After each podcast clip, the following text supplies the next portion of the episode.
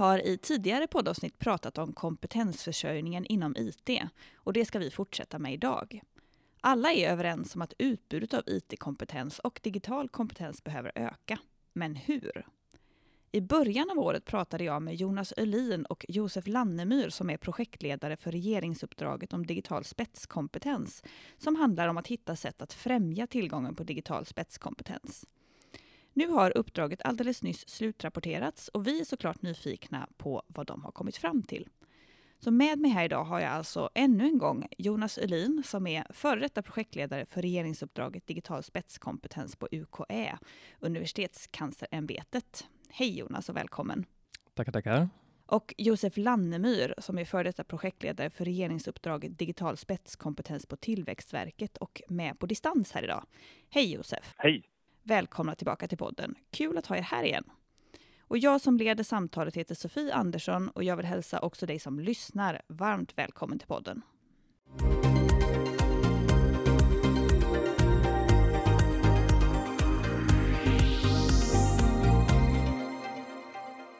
Josef och Jonas, ni har alltså haft i uppdrag att analysera och lämna förslag på hur tillgången på digital spetskompetens ska öka. Och I det här avsnittet ska vi fokusera på vilka lösningar som ni har sett och hur arbetet nu efter att uppdraget är slut ska fortsätta. Och som bonus så tänker jag också att vi ska prata lite grann om hur arbetet har bedrivits, för det här är ju ett uppdrag som ni har haft på era myndigheter tillsammans. Och sen vill jag också säga att vi kommer i det här avsnittet inte gå in så mycket på vad digital spetskompetens är. Eh, och är du som lyssnar nyfiken och vill veta mer om det så tycker jag att du ska lyssna på avsnitt 47 av Arbetsgivarpodden, för där pratar vi mer om digital spetskompetens specifikt. Men Jonas, ni har alltså jobbat med det här uppdraget i tre år eh, och då kommer den här sportfrågan. Hur känns det nu? Ja, nej men, nej men, jag sa i något annat sammanhang att det, det, känns lite grann som att släppa ifrån sig vårdnaden om sin egen bebis till någon annan. Det känns, det känns lite tomt. Men hela projektet har varit en otroligt spännande och väldigt eh, lärorik resa. Så här i efterhand då, Josef, är det någonting som ni hade gjort annorlunda? Ja, det är det säkert, men, men jag, jag, vill också svara på hur det känns. Ja, gör det. Och, och jag tycker det känns eh, väldigt bra. Vi är väldigt eh, stolta över det här uppdraget, båda som personer och myndigheter, tror jag. Eh, och det har varit en väldigt stor förmån att få jobba med det. Eh, alltså rent individuellt här. Alltså, företag, branschorganisationer, lärosäten, en fantastisk referensgrupp har liksom varit tillgängliga och verkligen ställt upp och bidragit in i det här uppdraget. Och, och jag tycker det visar på liksom vilket stort engagemang för det finns för den här viktiga frågan. Alltså, man upplever att det, det brinner i knutarna, saker måste hända och därför vill man hjälpa till. Och det har ju varit såklart jättetacksamt för oss. Vi har inte behövt fråga två gånger om någon vill ställa upp utan man har, man har verkligen velat bidra till, till att lösa den här frågan skulle jag säga. Och det måste ha känts motiverande att det har liksom varit det här brännande engagemanget. Då. Men eh, hade ni gjort någonting annorlunda? Kan ni se liksom någonting att ni, om ni hade fått börja om nu? Vi kanske hade satt igång med någon rapport tidigare. Alltså, det, det var jättetråkigt att pandemin kom. Det kunde inte vi påverka riktigt, men, men vi, vi ville göra liksom fler studieresor. Vi vet att liksom den absoluta spetsen kanske inte alltid finns i Sverige, utan det sker väldigt mycket i vår omvärld som vi, vi gärna hade liksom velat inspireras av och ta in i uppdraget.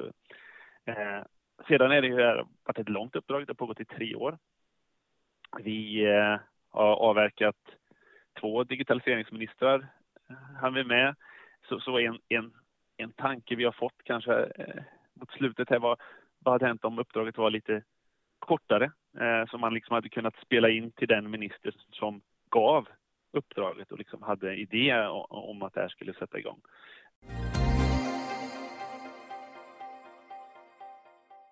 Eh, så ert uppdrag har alltså varit då att föreslå olika sätt att främja digital spetskompetens. Så Jonas, om du ska ge mig liksom hisspitchen över, vad är det ni föreslår? Det vi föreslår är ett paket av insatser. Det, det finns ingen quick fix, det finns ingen enskild insats som skulle kunna säkra kompetensförsörjningen av digital spetskompetens i Sverige, utan det krävs olika typer av insatser som kombinerar, kan kombineras och, och skapa synergier mellan varandra. Både avseende på olika typer av utbildningsinsatser, där vi ser att det behövs olika typer av eh, insatser på olika nivåer eh, med olika inriktningar, olika utbildningstyper, utbildningsformer, utbildningsämnen som kompletterar varandra. Men det behövs också insatser för eh, ökad samverkan. Det behövs bättre samsyn på området, vilka typer av kompetenser som faktiskt behövs och hur man ska kunna tillgodose de här luckorna. Eh, och det behövs eh, med koppling till det också bättre kunskapsunderlag också om vilka typer av eh, digital spetskompetens som faktiskt behövs. Bra, men om, nu, nu berättar du liksom att det finns ett, det är ett paket som ni föreslår här med dela in det i utbildnings och forskningssatsningar, förbättrad samverkan och ökad kunskap. Josef, om du vill börja och berätta lite mer specifikt då om eh, ja, men ökad kunskap till exempel. Vad är det ni ser behövs göras där? Vi, vi ser ju att om man ska liksom förbättra utbildningarna, eh, jobba mer med kompetensförsörjning via andra, via andra sätt som upskilling och reskilling, så, så, behövs det liksom en bra bild av vilket behovet är där ute till att börja med. Eh, och, det, och, det insåg vi ganska tidigt i uppdraget att det finns inte. Så eh, vi, det var ju en del av uppdraget och vi tog det väldigt bok, bokstavligt och vi har ju jobbat mycket med den frågan och tagit fram en hel del nya underlag eh, helt enkelt för att få en mycket bättre bild av, av, av efterfrågan. Men också då såklart så behövs det en bättre bild av utbudet. Hur ser det ut idag? Hur ser Eh, kompetensutbudet ut? Eh, vilka har potential att bli digitalt spetskompetenta? Vilka flöden ser vi på eh, inom utbildningar som leder till att fler examineras med relevanta kunskaper? Så, så, så det har vi jobbat väldigt aktivt med. Är det någonting i den delen, för vi, vi pratar ju ganska mycket om att vi har ett utbud som inte matchar efterfrågan på kompetens. Är det någonting när ni har tittat på det här som har förvånat er kring utbudet? Alltså, eller delar ni fortfarande bilden av att det finns en missmatch här mellan utbud och efterfrågan? Ja, nej men absolut. Så skulle man kunna sammanfatta det. Eh, och det finns väl det på, på olika nivåer. En sån missmatch skulle kunna vara den inget nytt som vi har liksom eh, upptäckt, eh, utan det är sånt som, som, en sån fråga som har återkommit väldigt länge. Det är den bristande jämställdheten inom IT-sektorn och IT-utbildningar. Där ser vi en väldigt bristande mismatch eh, kompetensmässigt. Vi ser till exempel att kvinnor som har läst IT-utbildningar och sedan etablerar sig på arbetsmarknaden väljer i större utsträckning än män att faktiskt hoppa av IT-yrken, trots att man har då samma, samma utbildning. Så det är ett, ett av många exempel på mismatch, tyvärr. Eh, en annan del av det här paketet som ni föreslår det är förbättrad samverkan. Eh, vad är det för eh, åtgärder som ni tycker behövs där? Men alltså, kompetensförsörjning av digital spetskompetens, det insåg vi också väldigt tidigt. Det, det, är väldigt komplext. Det är många typer av kompetenser som behövs. Uh, utvecklingen går väldigt snabbt. Det är svårt att komma med rekommendationer om punktinsatser, för det, förändringen sker så snabbt. Så det behövs ha ett liksom, helhetsgrepp kring den här frågan som, som är viktig att inte släppa. Vi ser ju att ett, eh, ett, ett sätt att fortsätta vårt arbete, det skulle kunna vara att inrätta någon form av forum eller samverkansråd som samverkar mellan varandra, samla berörda aktörer, samla aktörer som utbildningsanordnare, myndigheter, eh, regionalt utvecklingsansvariga och eh, andra intressenter på området, eh, sektorn förstås, som kan dels göra bedömningar av vilka kompetensförsörjningsbehov som finns när det gäller digital kompetens eller digital spetskompetens. Men också försöka slå sina kloka huvuden ihop och göra eh, vissa bedömningar av vilka typer av utbildningsmöjligheter som skulle kunna täcka upp de här behoven också. Men den sista delen då, utbildnings och forskningssatsningar. Eh, Josef, kan inte du berätta om vad ni ser där? Här har vi också en liten mix av insatser. Vi ser att det behövs satsningar på den absoluta spetsen och därför föreslår vi liksom uppbyggnaden av Center of Excellence-miljöer som vi väljer att kalla det här. Eh, vi har inspirerats av bland annat Sci-Fi Lab som är liksom en internationellt slagkraftig miljö som finns på life science-området i Sverige. Eh, det vet vi liksom attraherar spetskompetens till Sverige eh, i sig och liksom ökar vår, vår attraktivitet här, alltså bland den internationella eliten. Så, för det här är ju liksom en global tävling om de här talangerna ska också sägas. Eh, vi ser också att det behövs integration av digitalisering som ämne inom fler utbildnings och forskningsmiljöer. Eh, här finns det liksom goda exempel som vi har tittat på där man har liksom integrerat AI, det gör man på rättsvetenskapliga programmet i Örebro till exempel. Eh, vi ser liksom att det finns en stor efterfrågan på det tvärvetenskapliga eh, och ämnen som har poppat upp de sista åren är ju som legal tech och medtech till exempel. Och hur ser det ut idag då, i utbildningsutbud? Alltså har vi ett utbildningsutbud som, eh, som liksom svarar upp mot de här behoven? För det här är ju någonting vi känner igen från staten också, att det, det behövs fler som liksom, ja, men har olika typer av kompetenser som jackar i varandra. Alltså kombinationskompetenser pratar vi om, men det är motsvarande det du är inne på här. Absolut. Nej, det, det är väldigt sällsynt. Vi hade en, en fin konferens härom, häromdagen där en av talarna tog exemplet eh, om en sjuksköterska som läser datavetenskap som en valfri kurs och att det är nog bara eh, lika vanligt som enhörningar och tomtar i princip. Så där behövs egentligen eh, åtgärder också? Ja, vi tror att liksom man kan uppmuntra, eller vi behöver uppmuntra till, till sådana här eh, liksom tvärvetenskapliga exempel och liksom ta fram sådana utbildningsmöjligheter på ett annat sätt än vad vi gör idag. Jag tror att det var i eh, någon av era rapporter där jag läste att eh, ni vill se mer anpassningsbarhet också i utbildningssystemet och det tyckte jag lät väldigt spännande för att det är ju inte riktigt så vårt reguljära utbildningssystem är riggat idag ju. Jonas, vill du berätta vad ni tänker där? Ja, och, och, det vi också ser på, på det här området, förutom det som Josef var in på, det är ju också möjligheter till alltså, kortare utbildningar, flexibla utbildningar, bland annat för yrkesverksamma. Eh, det måste finnas ekonomiska incitament att ta del av utbildningsmöjligheter för att kompetensutveckla sig. Eh, utvecklingen går snabbt när det gäller digitalisering och för att befinna sig i spetsen över tid så krävs en kontinuerlig kompetensutveckling. Så, så är det bara. Eh, men vi ser också, också att vi behöver anpassa utbildningssystemet för att se till att det krävs inte bara att man deltar eller går en längre universitetsutbildning för att bli digitalt spetskompetent, utan vi måste se till hela utbildningssystemet. YH-sektorn är förstås, villig, är förstås viktig, men eh, alltså vi ser också till exempel kortare utbildningar, alltså tre månaders utbildningar där du lär dig en praktisk kunskap som till exempel programmeringsspråk, vilket snabbt gör dig anställningsbar och även snabbt tillgodose en arbetsgivares behov av en specifik kompetens. Så här ser vi hur olika typer av utbildningsmöjligheter kan komplettera varandra och det krävs en viss flexibel syn också på hur de här olika utbildningsmöjligheterna kan liksom skapa de här synergierna mellan varandra. De ekonomiska incitamenten, tänker ni det till liksom för att individer ska vara villiga att ge sig in i det, eller tänker ni att det också behöver styra utbildningarna mer? Vi har väl fokuserat mest på, på individnivån och eh, incitament för egentligen både individer och eh, arbetsgivare på området. Eh, det är ju viktigt att som individ ha möjlighet att kompetensutveckla sig.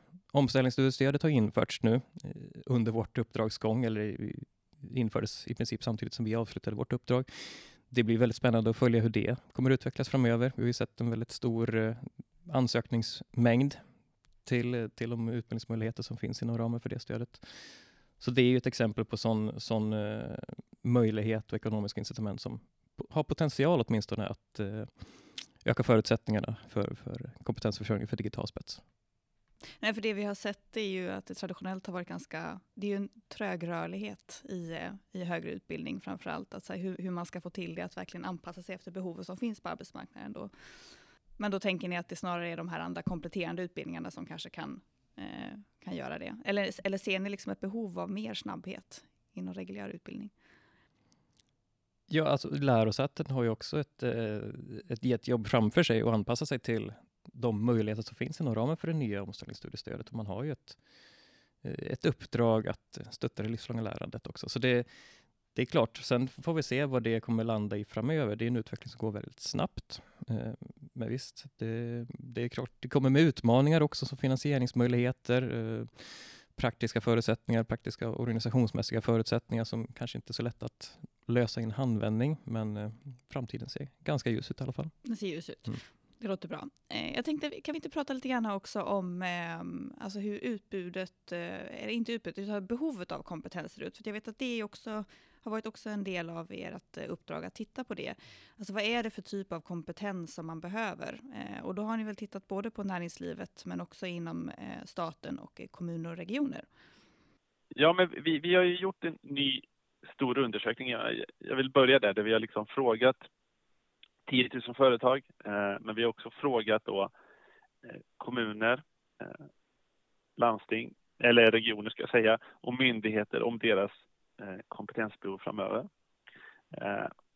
Om man tittar på myndigheter som är ju kanske mest aktuellt här så, så gick ju enkäten ut till samtliga myndigheter och 114 av 180 något sånt där svarade i vårt utskick en svarsfrekvens på 63 procent så vi är väldigt nöjda och kan tacka för det här också. Och 28 procent av myndigheterna då som svarar anser sig ha ganska eller stort behov av att rekrytera teknisk specialistkompetens på tre års sikt. Ska jag säga. Så här har vi ja, ett, ett väldigt stort behov. Men också generell mer teknisk kompetens är också stora behov. Så liksom, vi, har, vi har ju haft den in, ingången här, alltså vi, vi har frågat liksom med koppling till digitalisering hur deras behov ser ut. Men det som är ännu större än det här nyrekryteringsbehovet det är ju behoven av upskilling och reskilling. Alltså här, att man ska kunna fortsätta eh, vara verksam på sin, på sin myndighet men även ställa om till det här mer digitala samhället vi lever i. Och där är det ju där är behoven ännu, än, än, ännu större ska jag säga. Alltså sju av tio myndigheter eh, ser att de har ett liksom, kompetensutvecklingsbehov kopplat till digitalisering de kommande tre åren. Och, eh, sex av tio myndigheter säger att de inte har den kompetens som behövs. Alltså, de behöver eh, rekrytera nya typer av kompetenser som inte finns bland befintlig personal de kommande tre åren. Är det någon skillnad här mellan eh, staten och övriga sektorer? Om man förenklar lite grann så kan man säga att eh, inom offentlig sektor så har man i relativt sett stor utsträckning investerat i teknik som behövs eh, när det gäller liksom, digital utveckling, om man jämför med privat sektor. Då. Man har också no, i något större utsträckning säkerställt att man har den kompetens som behövs, vilket är lite intressant, för man säger, pratar ju ofta om att näringslivet går före inom de här områdena. Eh, men det man däremot ser det är att behovet av att investera ytterligare i digitaliseringsarbete på, på några års sikt är betydligt större bland de respondenter som kommer från offentlig sektor än inom näringslivet. Så det finns väldigt stort arbete framför, som man har framför sig inom offentlig sektor.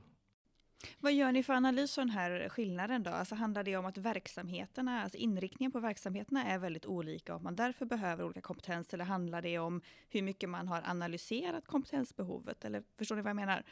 Att vad är det som är liksom, gör att den här skillnaden finns? En sak man måste framhålla här, det, det, är att det är olika typer av verksamheter. Det är helt olika typer av behov. Eh, både om man jämför offentlig sektor med privat sektor, men också inom offentlig sektor. Där om vi tittar på regional nivå så är det, är det till exempel väldigt stort fokus på tekniska specialister, dataanalys, forskning och utveckling, medan kommuner, där har man behov av IT-kompetens när det gäller administration och kontakt med medborgare och sådana typer av aktiviteter och processer. Medan myndigheter, där ser det ganska diversifierat ut. Man har ett eh, väldigt stort behov inom många områden. Eh, dataanalys, ett område där man liksom främ, kanske främst efterfrågar IT-kompetens, men, men annars är det ganska, ganska utspritt. Men om man liksom tittar på de viktigaste frågorna då som drivs och som man ser liksom de viktigaste ut, eh, utvecklingsområdena på lite sikt, så är det dels e-tjänster som ja, många, många myndigheter hanterar på olika sätt. Men cybersecurity ligger också i topp där när det gäller av de, de typer av kompetenser som behövs inom, inom staten. Ställer ni några frågor om eh, kompetens på ledningsnivå? För det vet jag att eh, till exempel DIGG pratar ju om att det där är ett viktigt hinder för digitaliseringen och statsförvaltningen, att, att det saknas liksom rätt kompetens inom ledning, ledningen. Vi ställer inga direkta frågor om det. Eh, Tillväxtverket har ju drivit sådana projekt där man liksom också observerar att det här är en väldigt viktig faktor. Alltså att, att att ledningen har eh, kompetens på området, liksom, som vet att man har, eller beställarkompetens, att man köper in rätt saker, satsar på rätt saker. Vi, vi kan ju se en, en, en liten rolig observation som, som, som är relevant i sammanhanget kanske är ju att många myndigheter har AI-projekt. Alltså jag tror en, en tredjedel svarar att man har börjat liksom laborera med det. Men väldigt få, jag tror det var 4 har en strategi för hur man ska föra ut AI i verksamheten. Och väldigt få har liksom en, en plan för, eller utbildning för sin personal för hur de ska kunna använda de här verktygen. Så man har köpt in maskinen, AI-maskinen, börjat latcha med den, men man har ingen riktig strategi eller plan för att ta det vidare. Jag, jag tycker också en, en annan intressant eh, sak som dök upp här i vår analys är att hur man liksom jobbar med samverkan kring kompetensutveckling av personalen också. När det gäller digitalisering och de olika områden som, som krävs inom sin, sin organisationsverksamhet. Där ser vi faktiskt att det är en relativt liten andel organisationer som ser lärosäten som den viktigaste parten för sin samverkan när det gäller kompetensutveckling. Det var kanske lite, lite överraskande, eh, speciellt som när man jobbar på UKÄ, att, att se ett sådant resultat.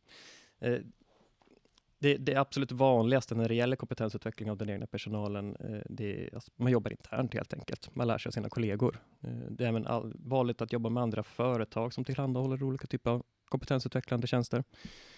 IO-utbildningar eh, används också i viss del, men just lärosäten hamnar ganska långt ner på, på den här rankinglistan, så det är någonting som ja, det finns nog utvecklingspotential där.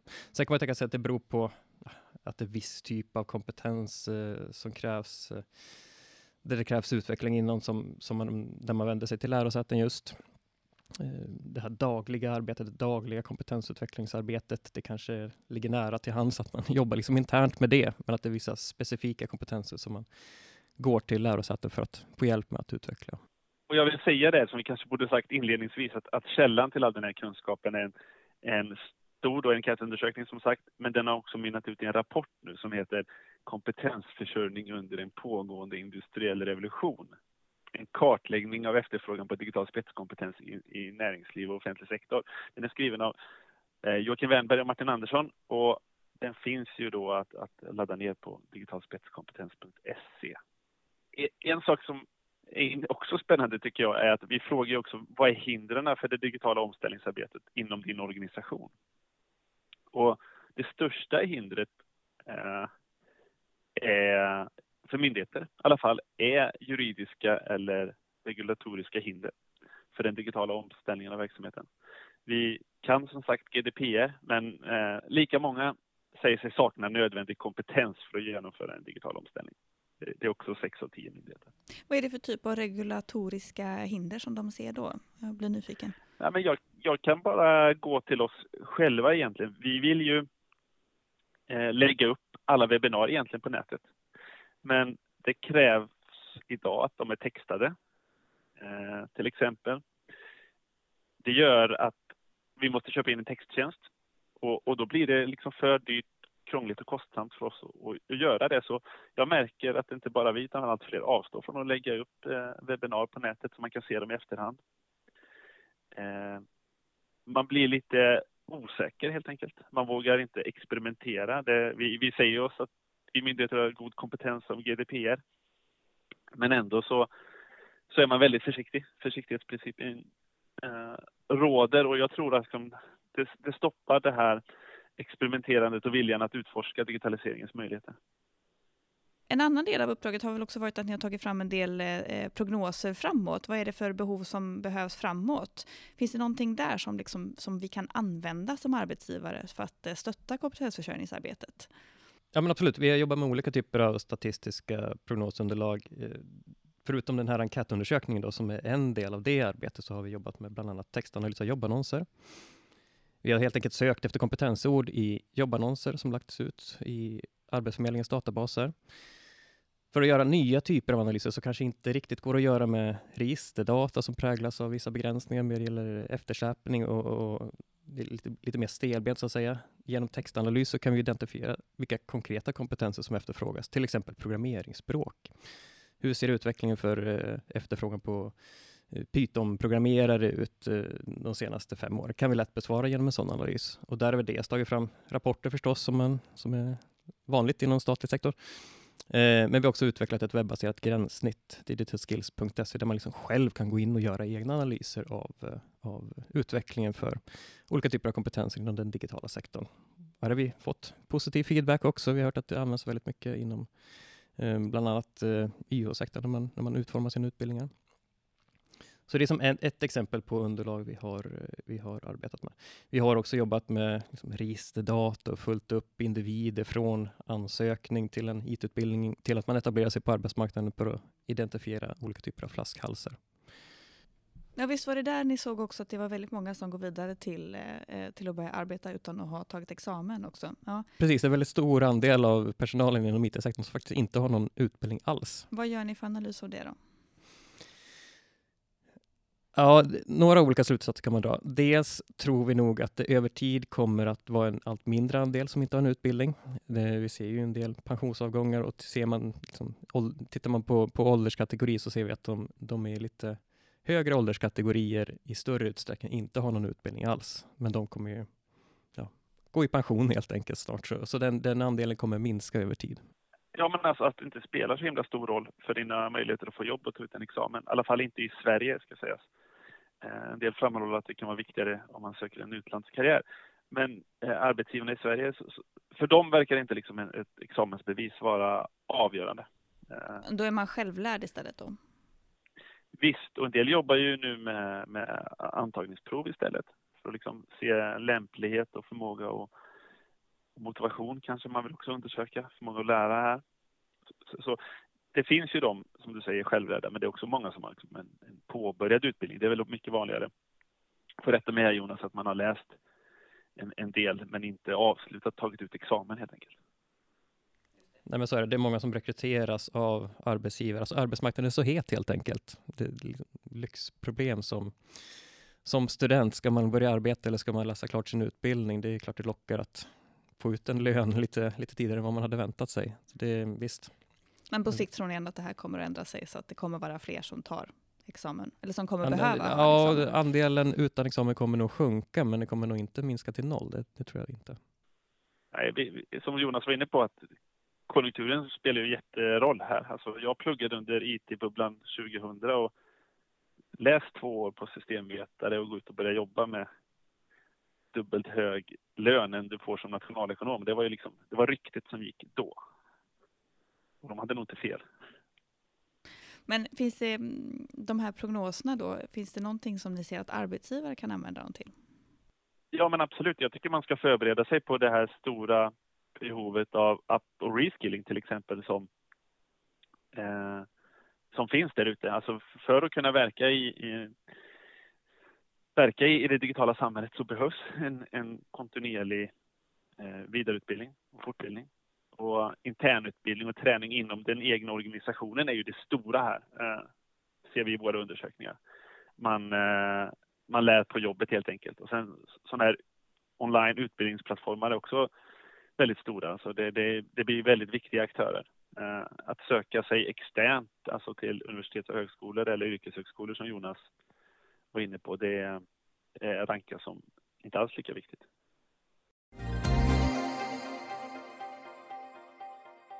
Jag tänkte vi skulle prata lite grann om hur ni har arbetat också, för det här är ju ett uppdrag som Tillväxtverket och UKÄ har haft gemensamt. Och som jag har förstått det så har ni liksom ägt det lika mycket, ni har haft ett lika stort ansvar för att Eh, färdigställa det. Och jag tycker att det ändå verkar bli mer och mer vanligt att det här, eh, såna, den här typen av uppdrag ges till myndigheter.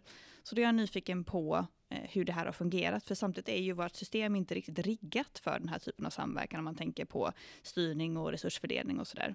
Så Jonas, kan inte du berätta lite grann om hur, hur har samarbetet sett ut? Men det stämmer att det här uppdraget har varit lite, lite annorlunda. Eh, vi har haft delad budget, Tillväxtverket och UKÄ. Eh, så, så, vi har haft lika mycket pengar att finansiera vår verksamhet med. Det, det har inte varit så att en av myndigheterna, vilket som är brukligt, att en av myndigheterna får pengarna eh, och sen eh, ska vi samverka med någon annan myndighet som, som kanske fördelas utifrån någon nyckel. Liksom. Utan vi har fått delad budget eh, och vi har också jobbat väldigt nära varandra. Vi har haft dagliga avstämningar. Vi har haft en eh, myndighetsövergripande styrgrupp, så vi har haft lika mycket att säga till om inom de olika myndigheterna. Eh, våra generaldirektörer har varit lika, lika involverade i uppdraget på olika sätt. Och vi har också haft som princip att vi projektledare, vi deltar i samtliga möten. Vi har inte delat upp arbetet på något sätt rent praktiskt, att jag sitter i mitt hörn och Josef sitter i mitt hörn och så gör vi olika typer av analyser, utan vi, vi är med i alla processer tillsammans. Vilket väl har varit en eh, framgångsfaktor, får man säga. Vi har jobbat väldigt nära och eh, helt enkelt kunna utnyttja de synergier som finns mellan våra myndigheter på ett väldigt bra sätt. Det allra första du tar upp är budgeten. Alltså, hur viktigt har det varit att ni just eh, fick en gemensam budget för det här? Ja, men det, har, det har väl liksom skickat vissa signaler från eh, regeringskansliet i, och med att vi fick eh, lika stor budget för mm. myndigheter, att vi ska samverka på ett sätt och arbeta jämställt. Att det inte är en myndighet som får huvudansvaret och tar ändå sedan allt, allt slutansvar och, och ansvaret för att skicka in slutrapporten och den andra myndigheten hänger på lite grann vid sidan av, utan det, det har sändesignaler som vi har tagit på största allvar. Jag tycker så här i efterhand så, så blir synergierna tydliga. Vi är bra på olika saker. Eh, till exempel bara, hade UKÄ en stor erfarenhet av det här med flödesanalyser som vi, Jonas har berättat om. Så då tog man lid på det arbetet. Och vi på Tillväxtverket kanske har en bättre, ett bättre upphandlingsstöd. Då kan vi ta lid på när man ska liksom upphandla studier och så vidare. Så det, det flyter på smidigt. Så man, eh, man kan liksom verkligen lägga saker där, där de görs mest effektivt. Och sen så breddar man ju sitt kontaktnät och, och det, är liksom, det var ju kanske regeringens baktanke här ute. Att liksom i, från Tillväxtverket har fått en helt annan kontakt med lärosäten. Eh, jag kanske behövt förklara då i mötesrum vad Tillväxtverket är men när vi träffar lärosäten. Och, och Jonas har också fått förklara vad UKÄ är, eh, är egentligen när vi liksom kanske träffar branschföreträdare. Men sammantaget då blir det, så blir det liksom lika lätt att nå KTH som teknikföretagen för, för det här uppdraget och det är ju en stor styrka. Och att vi samarbetar det tvingar ju också vår uppdragsgivare, uppdragsgivare att koordinera sig. Att två departement behöver samarbeta till viss del. Eh, för vi har både infrastrukturdepartementet och eh, utbildningsdepartementet här som uppdragsgivare. Eh, så många uppenbara fördelar skulle jag säga. Och, som du är inne på Sofie så, så, så, är det väl en lite försiktig spaning att det här kommer ju bli allt vanligare. Att ett sätt att arbeta med liksom bredare samhällsutmaningar som det är som spänner över många politikområden och inte är liksom specifikt för en viss sektor eller bransch. Då, då är ju det här ett sätt för staten att bli smartare i sitt arbete. Det är väldigt intressant också att du tar upp det här med att det också har krävt samordning mellan departementen. Att det faktiskt inte bara gäller liksom myndighetssamverkan utan att det är i, hela ledet egentligen. Då. Eh, men men den, du nämner några av vinsterna. Vilka utmaningar har ni sett med arbetet? Vi har väl lyckats hantera de mindre utmaningarna som uppstått eh, ändå ganska bra. Det är klart att det finns en del eh, administrativa utmaningar eller processer att eh, rapporter ska godkännas i två olika led på vardera myndighet, så där har vi varit tvungna att samordna oss. Eh, det har varit lite udda fågel internt sådär på myndigheterna. Men det har varit hanterbart. Eh, så, så på, det, på det stora hela så har det varit utmaningar som varit relativt enkla att hantera. Bra. Eh, jag tänkte att vi skulle sammanfatta samtalet lite grann och också prata om vad som händer med era eh, åtgärder framåt. Ni ger ju då ett, en rad förslag som vi har pratat om här idag. Men vad behöver vi göra mest just nu? Alltså vad är mest akut eh, att sätta igång med? Josef, vad säger du? Vi har ju hela tiden föreslagit, föreslagit att det behövs en ökad samverkan och att det liksom ska vara liksom drivkraften för, för förändringar och sam, samla bransch och utbildningsanordnare. Så det vill vi ju sätta igång med direkt. Eh, sen har ju vi föreslagit många saker som är lite mer på en strukturell och liksom långsiktig eh, nivå skulle jag säga. Just för att tekniken rör sig fort framåt och det finns ingen quick fix som Jonas var inne på här. Utan det behövs liksom långsiktiga satsningar. Eh, det är egentligen ingen som vill springa på, på liksom direkt snabba puckar och göra saker på ett års tid, utan vi vill, vi vill ha en långsiktighet i det här arbetet. Det, det tror vi är jätteviktigt, en långsiktighet och uthållighet. Att det inte blir en massa liksom, tomteblossinsatser. Men om man tittar på vilka ämnen som kanske liksom är mest akut att adressera nu så har vi lyft cybersäkerhet. Eh, vi ser att eh, det finns ett skriande behov av kompetens och ett stort problem eh, för både eh, företag och myndigheter som, som liksom hämmar Sveriges digitala omställning. Och då tänker du utbildningssatsningar inom cybersäkerhet, att det här är någonting som man behöver ha fler utbildningar inom? Ja, ja alltså kompetensbristen gör att vi, vi utsätter oss för en massa risker på det här området. Alltså det, det, är det, det, är det största problemet om, om man tittar på MSBs undersökningar. Liksom. Det finns en stor kompetensbrist på området. Så, så när vi pratar om utbildningar så menar inte vi att det ska bara eh, komma ut massa civilingenjörer som är, är duktiga på det här, utan det är liksom återigen korta kurser för vissa, det kan vara yrkeshögskolor, det kan vara eh, också då universitets och, och högskoleutbildningar. Men det är just den kombinationen vi är ute efter ofta.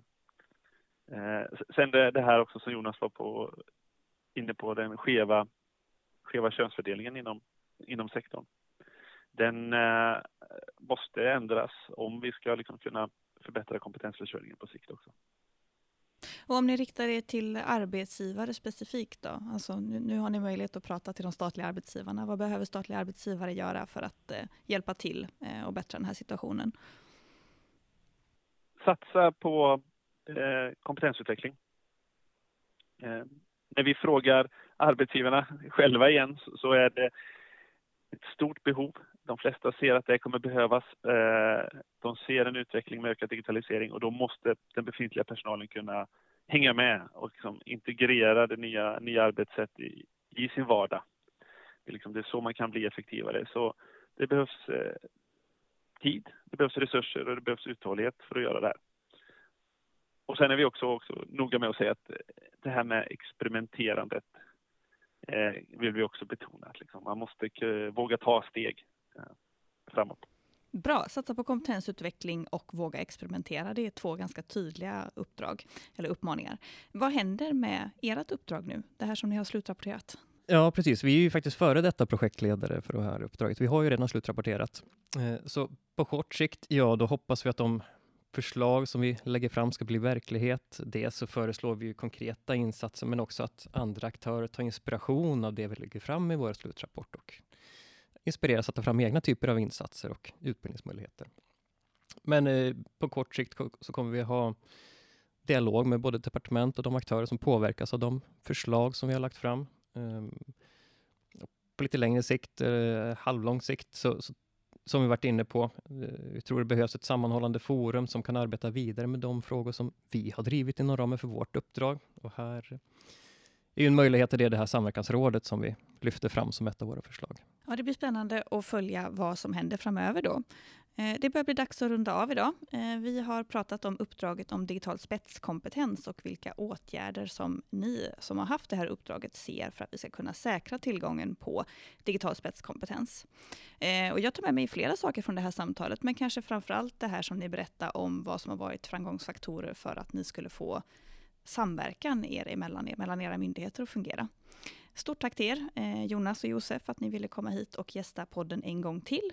Och innan jag släpper iväg er så vill jag ställa en sista fråga. Eh, och då börjar vi med dig Jonas. Eh, om du vill att de som lyssnar då ska ta med sig en sak från det här samtalet, vad ska de ta med sig? Ja, det är att det finns, eh, som vi kan konstatera, som vi diskuterat här idag, så finns det stora utmaningar när det gäller kompetensförsörjning av digital spetskompetens. Men det finns också lösningar på de här utmaningarna, så det gäller att blicka framåt och eh, ta tag i de här olika, olika möjligheterna som finns på området. Det finns hopp alltså? Det finns hopp. Ja, bra. Josef, vad säger du? En sak som du vill skicka med? Ja, men jag, jag, jag säger igen de två saker då. Att, att satsa på att kompetensutveckla er personal för att kunna delta i den digitala omställningen och börja experimentera med nya digitala lösningar. Bra, tack ska ni ha och tack till dig som har lyssnat. Om du har några frågor eller förslag på ämnen som du tycker att vi ska prata om i podden så får du gärna höra av dig till oss på webb.arbetsgivarverket.se. Och slutligen så vill jag säga att om du vill veta mer om kompetensförsörjning och IT-kompetens så kan du lyssna på eh, avsnitt nummer 51 också av Arbetsgivarpodden. Och I det avsnittet så pratar jag med Tech Sveriges förbundsdirektör Åsa Zetterberg och Arbetsgivarverkets chefsekonom Roger Wilhelmsson på det här temat. Så hörs vi snart igen. Hej då! Tack och hej! Hej då!